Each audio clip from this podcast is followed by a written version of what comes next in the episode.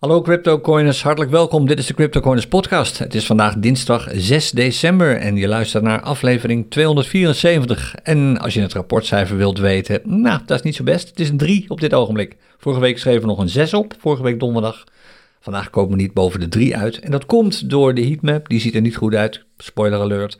En door de trend, of eigenlijk de candle op de dagchart. De closing candle van gisteren, die is ook niet zo heel positief. Dat gaan we allemaal zo meteen wel zien. Eerst even wat nieuws. Eerst even wat CryptoCoin zelf betreft. Als je de cursus volgt, beleggen en traden met Bitcoin, of als je die cursus ooit hebt gevolgd, misschien al een paar jaar geleden, vanavond is er een speciale terugkomstsessie voor iedereen die toegang heeft tot die cursus. Of je nou toegangskaart hebt of niet, maakt niet uit. Het is een open sessie voor cursusdeelnemers. Je hebt je daar niet voor hoeven aanmelden. Je ziet de link nu ook op je sessiespagina staan die bij die cursus hoort. We beginnen om 7 uur vanavond. Het duurt tot, ik denk een uurtje of half negen, kwart voor negen.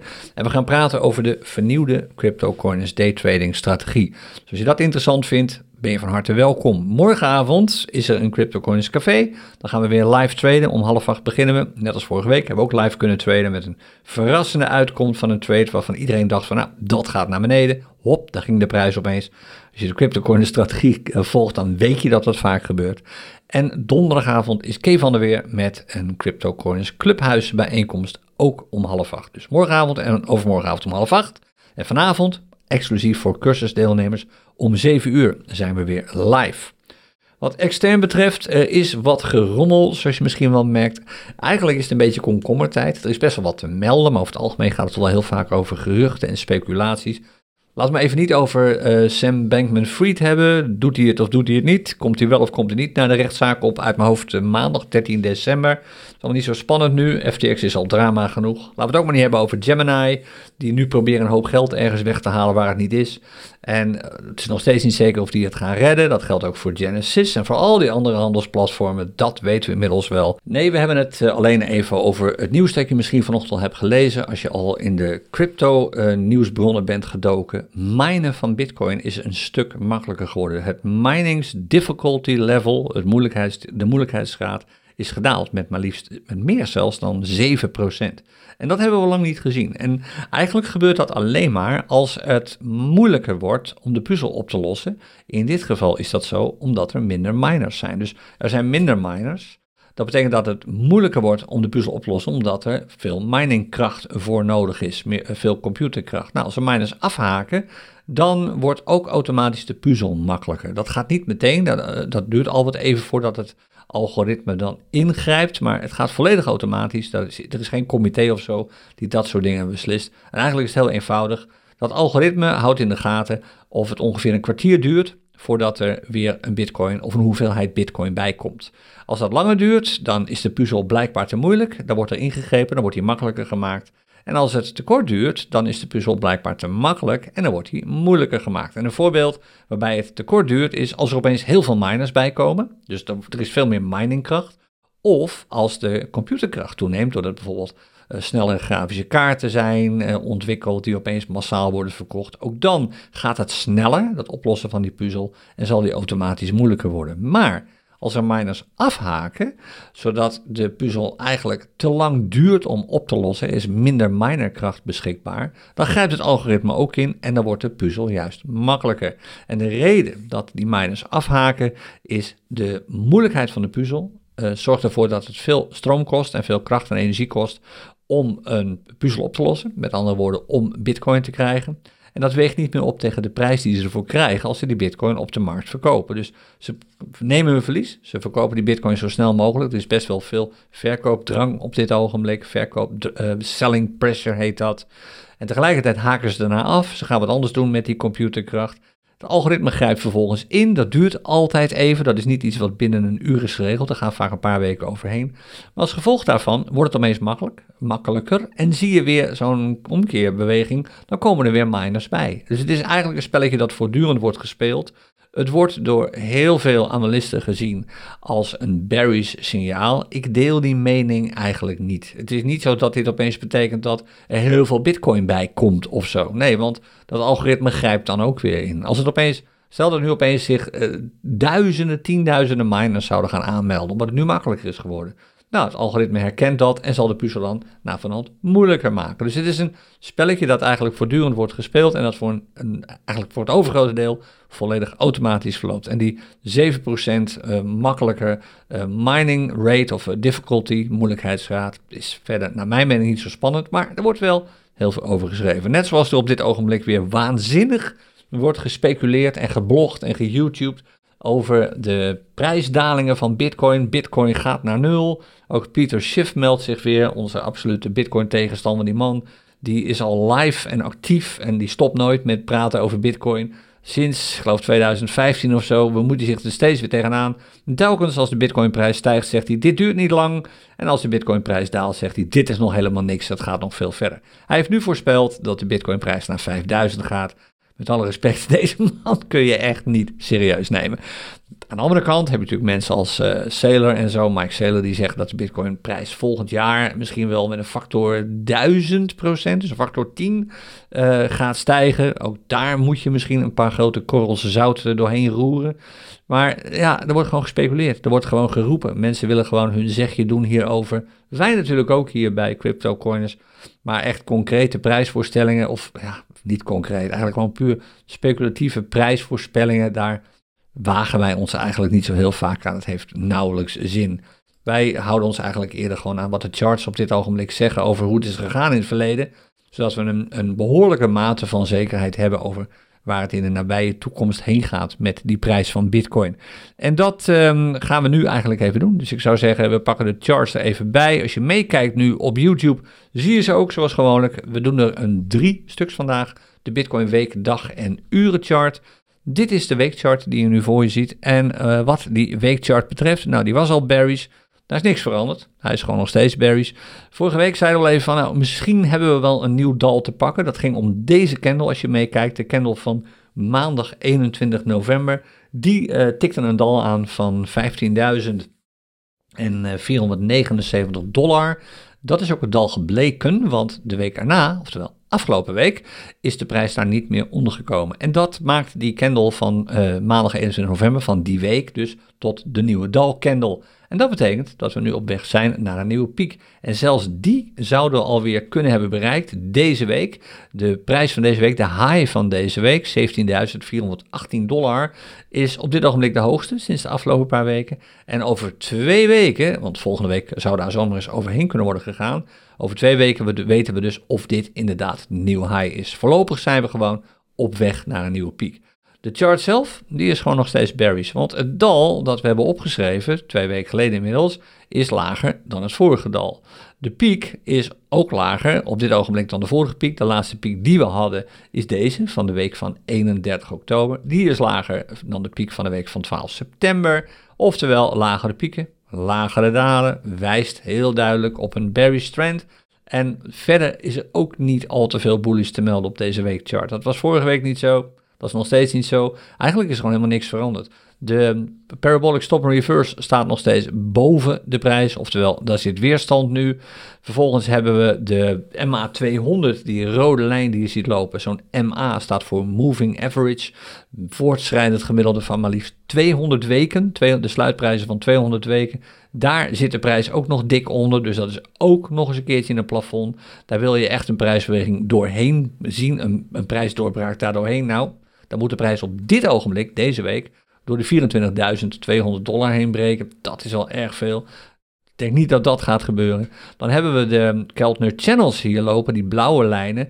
Daar zit de prijs onder op dit ogenblik, nu al een aantal weken lang. Dit is eigenlijk al, ja, hij heeft er twee candles niet onder gezeten, maar als je het gewoon open eerlijk bekijkt, eigenlijk al sinds 15 augustus is de, misschien zelfs wel wat eerder, eigenlijk al sinds mei, eigenlijk al sinds begin mei, eerlijk. Sinds begin mei zitten we al in een stijgend bearish momentum en is de prijs eigenlijk ook voortdurend gedaald op één of twee korte correcties na. Kortom, ook dit is een bearish, een stijgend bearish momentum. En momentum gaat voor de trend uit. De trend is al bearish.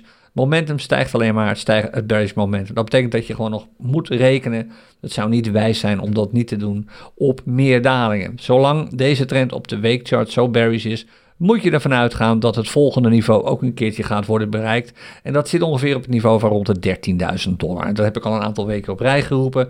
Het is nog steeds een realistisch scenario. Een aantal dingen zal wel afhangen van wat er in Wall Street gebeurt. Volgende week dinsdag en woensdag, 13 en 14, nee, 14 en 13 en 14 geloof ik. Ja, natuurlijk, vandaag is het 6. 13 en 14 december, dan gaan ze weer vergaderen daar bij de Federal Reserve, de Amerikaanse centrale bank. En daar kom ik zo nog wel even op terug, maar de uitkomst zal waarschijnlijk wel niet al te gunstig zijn voor beleggers in aandelen. Dat betekent dat de prijzen van aandelen weer onder druk komen te staan. En omdat Bitcoin nu eenmaal de prijzen van die aandelen best wel heel aardig volgt, in ieder geval de trends, uh, met name ook de tech-aandelen, zou je gewoon moeten rekenen op dalende prijzen. Dus dat even wat deze weekchart betreft een voorbode. Oh ja, het enige positief op die weekchart, maar dat was vorige week ook al zo, is de unbalanced volume indicator. Die stijgt op dit ogenblik. Twee groene candles ook die daarbij horen natuurlijk. Zelfs de candle van vorige week was groen. Minimale stijging ten opzichte van de candle van de week ervoor. Maar je weet het, een prijsstijging zegt niks over de trend. In een dalende trend kun je best te maken hebben met prijsstijgingen. Sterker nog, daar is de hele daytrading strategie van cryptocoins op gebaseerd. En dat zie je dus ook regelmatig. Je ziet regelmatig groene candles, zelfs in een dalende trend. En dat zie je dus ook terug bij die OBV, die Unbalanced Volume Indicator. Die is nu al twee weken op rij uh, bullish. Deze telt niet mee, die van deze week, want de week is nog lang niet afgelopen. Die is gisteren pas begonnen. Dat weten we dus volgende week. Het is een leading indicator, die OBV. Uh, hij loopt vaak wat op de feiten vooruit, maar het is de enige op dit ogenblik. Verder is er echt niks gunstigs te melden. Waar je dan vervolgens vaak naar kijkt, is naar een snellere chart. Bijvoorbeeld bij de weekchart kijk je dan naar een chart die vijf intervallen sneller is. Nou, in dit geval de dagchart is dan zeven intervallen sneller. Ja, en die dagchart die is bullish. Vorige week is die bullish geworden. Misschien weet je dat nog. We hebben de tijdens podcast hebben we daarover gesproken. Maar op dit ogenblik is het allemaal niet meer zo heel spannend. Eigenlijk sinds afgelopen donderdag, toen we echt konden zeggen, nou, we hebben nu opeens te maken met een bullish dagchart, is de prijs nauwelijks eigenlijk opgeschoten. Er is één extra piekje nog bijgekomen. Om precies te zijn, gisteren, het was Sinterklaas. De prijs schoot zomaar even door naar de 17.418 dollar. Dat is de nieuwe piek die we nu te pakken hebben. Dus we hebben alweer in deze bullish chart een higher high. Dan zou je zeggen, nou, dat ziet er weer fantastisch uit. Prima, leuk en aardig, maar het betekent in feite, we zijn nog steeds eigenlijk op weg naar een nieuwe piek, dat je nu een, op een gegeven moment een nieuw dal wilt gaan zien, dat dan ook hoger moet blijven dan die 16.000. Het dal dat we op 28 november hebben gezien die uh, en 4 dollar. Nou, het is maar de vraag of dat gebeurt. Je wilt eigenlijk gewoon nu eerst een overtuigende nieuwe piek zien. We zijn nog steeds op weg. De piek van vorige week is al één, maar ik ben benieuwd of de prijs nog een keer enthousiast door die 17.400 dollar heen breekt. Eerlijk gezegd zou het me verbazen een beetje. En het komt nogmaals opnieuw weer door Wall Street, door de Fed. Zometeen. Nou, die dagchart is dus niet echt op dit ogenblik heel erg fantastisch bullish. Hij is bullish, maar niet dat je echt zegt van wow, moet je nou eens kijken, echt al dagen op reis schiet de prijs omhoog. Dus dat helpt ons niet echt vooruit wat die weekchart betreft.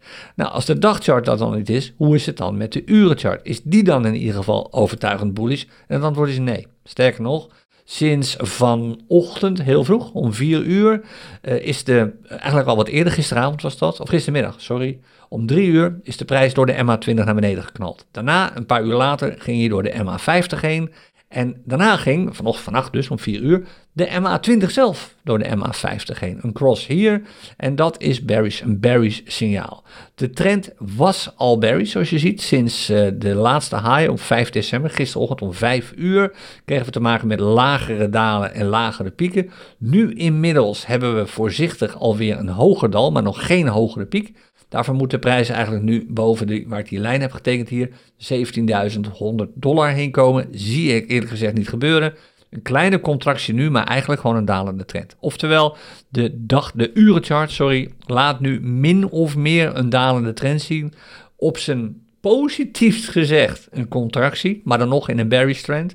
Oftewel, geen uh, sensatiedingen zoals we hier hebben gezien vanaf vorige week maandag. Met een groot aantal hogere pieken en hogere dalen met prijzen die voortdurend boven de MA20 en MA50 staan. Nee, deze chart heeft alle kenmerken van berries, namelijk de prijs staat onder de MA20, de MA20 staat onder de MA50. Dat is een berries chart. En lagere pieken en lagere dalen. Dus ook dit is niet echt heel erg goed nieuws voor de dagchart. Dus ik reken echt wat de Bitcoin prijzen betreft op dit ogenblik, lettend op de trend, eerder op dalingen dan op stijgingen. Ik wil niet zeggen dat je niet prima kunt traden, maar een investering, een long investering in Bitcoin op dit ogenblik, daar wil je echt een scherpe stoploss tegenover zetten, want er is absoluut geen garantie dat de prijs echt snel gaat stijgen. Eerder andersom, naar mijn mening op dit ogenblik. Maar je weet het, ik zeg er toch nog een keer bij, tot vervelends aan toe. Het is alleen maar mijn mening. Daar kun je, en daar zou je echt geen enkele conclusie op moeten baseren. Het is gewoon wat ik ervan vind. Kijk altijd zelf naar je charts. Leer hoe dat werkt. En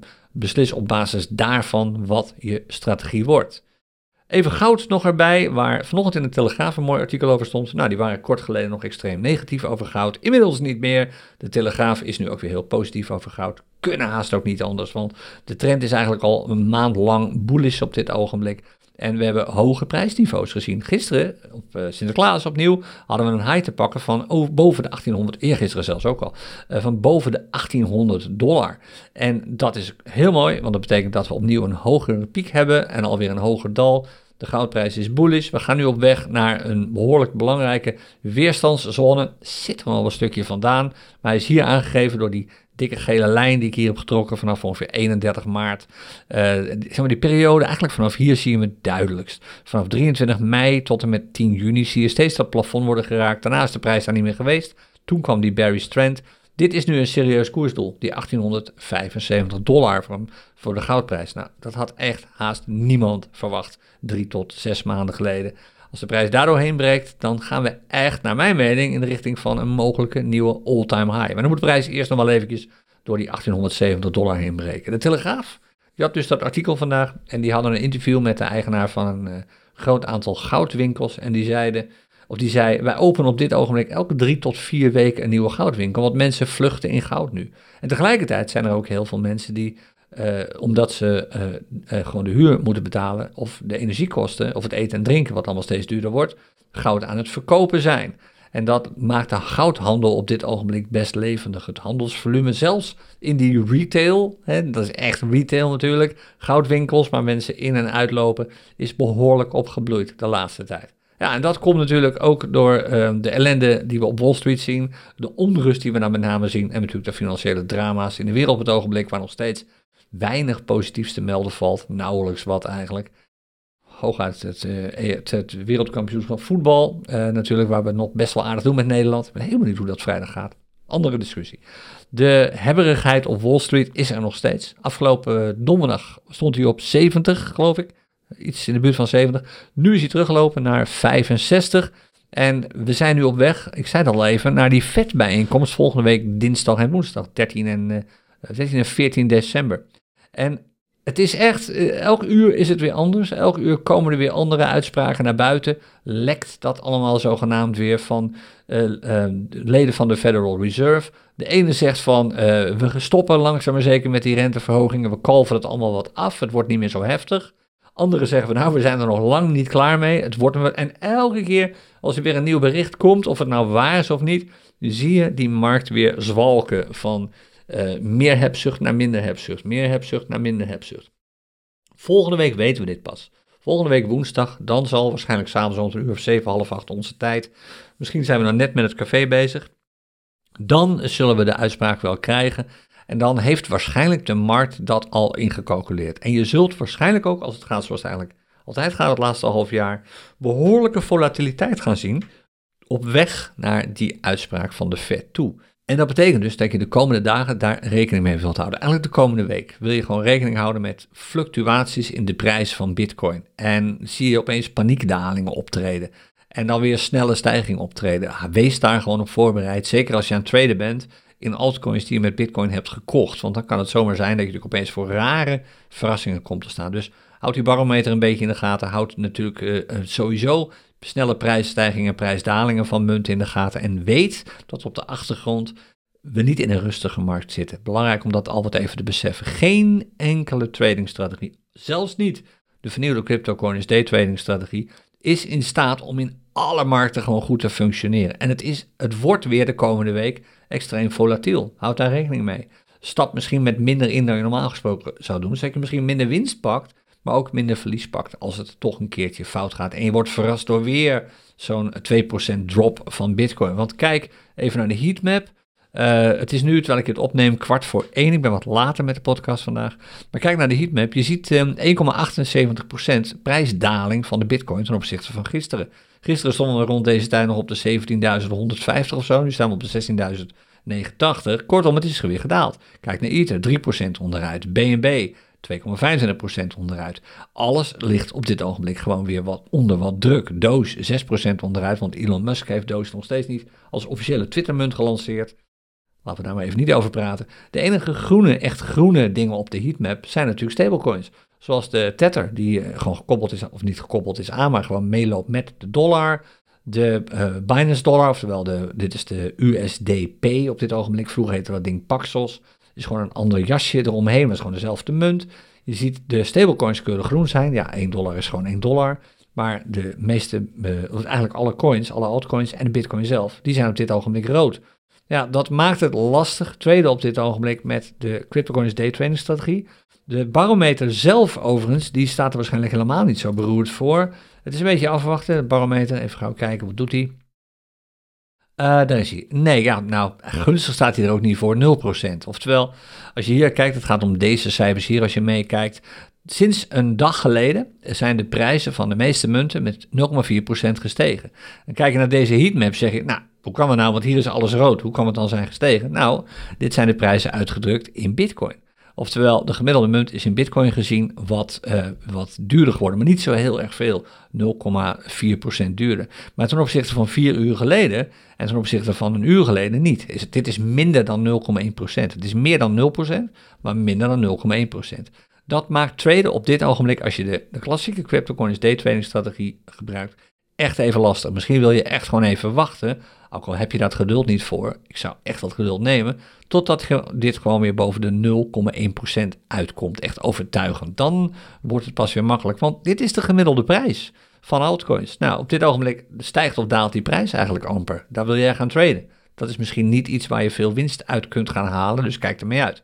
Als je aan het traden bent met de vernieuwde cryptocurrency day trading strategie, dan gaat het een stukje makkelijker waarschijnlijk. Want dan kies je echt voor munten met een, een uh, hoge bullish trend, waar veel charts op veel intervallen bullish zijn. En dan zie je soms spectaculaire getallen. Hier even bijvoorbeeld op de 3 minuten chart, trouwens ook op de 1 minuten chart, is de markttrend gewoon 70% bullish, want alleen de chart zelf wordt je dan niet meegerekend. 70% bullish hier voor Ape, kijk 5 minuten chart. Uh, dat is natuurlijk logisch. Hier uh, 94,2% voor REQ. Uh, die komen een paar keer tegen in een paar munten, of een paar chart intervallen. Is krijg je hetzelfde instapsignaal. Uh, Compass Berries, daar wil je dus voor uitkijken bijvoorbeeld. Uh, hier bijvoorbeeld EMX is op dit ogenblik 91, 92% bullish. Kortom, best wel veel uh, bullish charts op het ogenblik. Die maken het dus wat makkelijker om op de trend mee in te stappen. Dus als je de CryptoCoins Day Trading strategie versie 2 gebruikt, de vernieuwde strategie, dan heb je het op dit ogenblik even wat makkelijker. Maar beide strategieën werken. Ik vond het ook heel leuk om dat te lezen in onze Telegram groep. Vanochtend postte iemand een bericht met de met de veelbetekenende naam Webcam. Ik ben heel benieuwd hoe je aan die naam bent gekomen. Die zei van, nou, ik ben nu een week bezig en kijk eens even, ik heb 8% resultaat geboekt in een week tijd. Dit kan ik nog wel eventjes volhouden op deze manier. Voor de zekerheid, ik zeg het er even bij, leuk dat dat Webcam, gefeliciteerd met je resultaat natuurlijk. Maar onthoud goed, geldt ook voor crypto trading en beleggingen. Resultaten behaald in het verleden zeggen natuurlijk helemaal niks over wat je in de toekomst gaat bereiken. Het is het is geen garantie of iets dergelijks. Kijk hier, CFV 60% bullish, 52% bullish voor sushi en zo. Het is makkelijk traden op dit ogenblik als je de vernieuwde strategie gebruikt. Maar blijf altijd in je achterhoofd houden, die bitcoinprijs kan extreem snel omslaan naar iets heel volatiels natuurlijk. Nou, tot zover de heatmap. Dan heb ik het eigenlijk wel gehad wat uh, de podcast voor vandaag betreft. Um, vanavond, zoals gezegd, als je de cursus hebt gevolgd of nog steeds volgt, uh, om 7 uur zie ik je bij die terugkomstsessie, ook als je geen toegangskaart hebt ingewisseld. Dat hoeft er namelijk niet. Je ziet gewoon die link op je cursuspagina staan. Dan gaan we praten over de vernieuwde CryptoCoins day trading strategie. Met name de verschillen met de oude. En uh, dingen die je kunt gebruiken om die strategie optimaal voor jou te laten werken. En dan ben ik er morgenavond om half acht bij het CryptoCoins Café. En anders donderdagochtend om, ik weet niet hoe laat, bij een volgende aflevering van... Oh, wacht even, dat zeg ik nu wel. Het kan zijn dat de podcast van donderdag pas vrijdag komt, want ik moet donderdag de hele dag weg. En er zijn er een paar opties. Of ik neem morgen nog even een podcast op, maar ja, die is dan dus niet live, want je kunt niet naar de charts kijken een dag daarvoor. Eh, het kan ook zijn dat ik hem dan vrijdag pas opneem, want ik ben donderdag de hele dag onderweg. Dat gaat het niet lukken om een podcast met charts te maken. Dus dat zien we vanzelf wel wanneer de volgende podcast is, donderdag of vrijdag. Maar sowieso eh, morgenavond in het Cryptocurrency Café. Tot dan. Happy trading. Dag.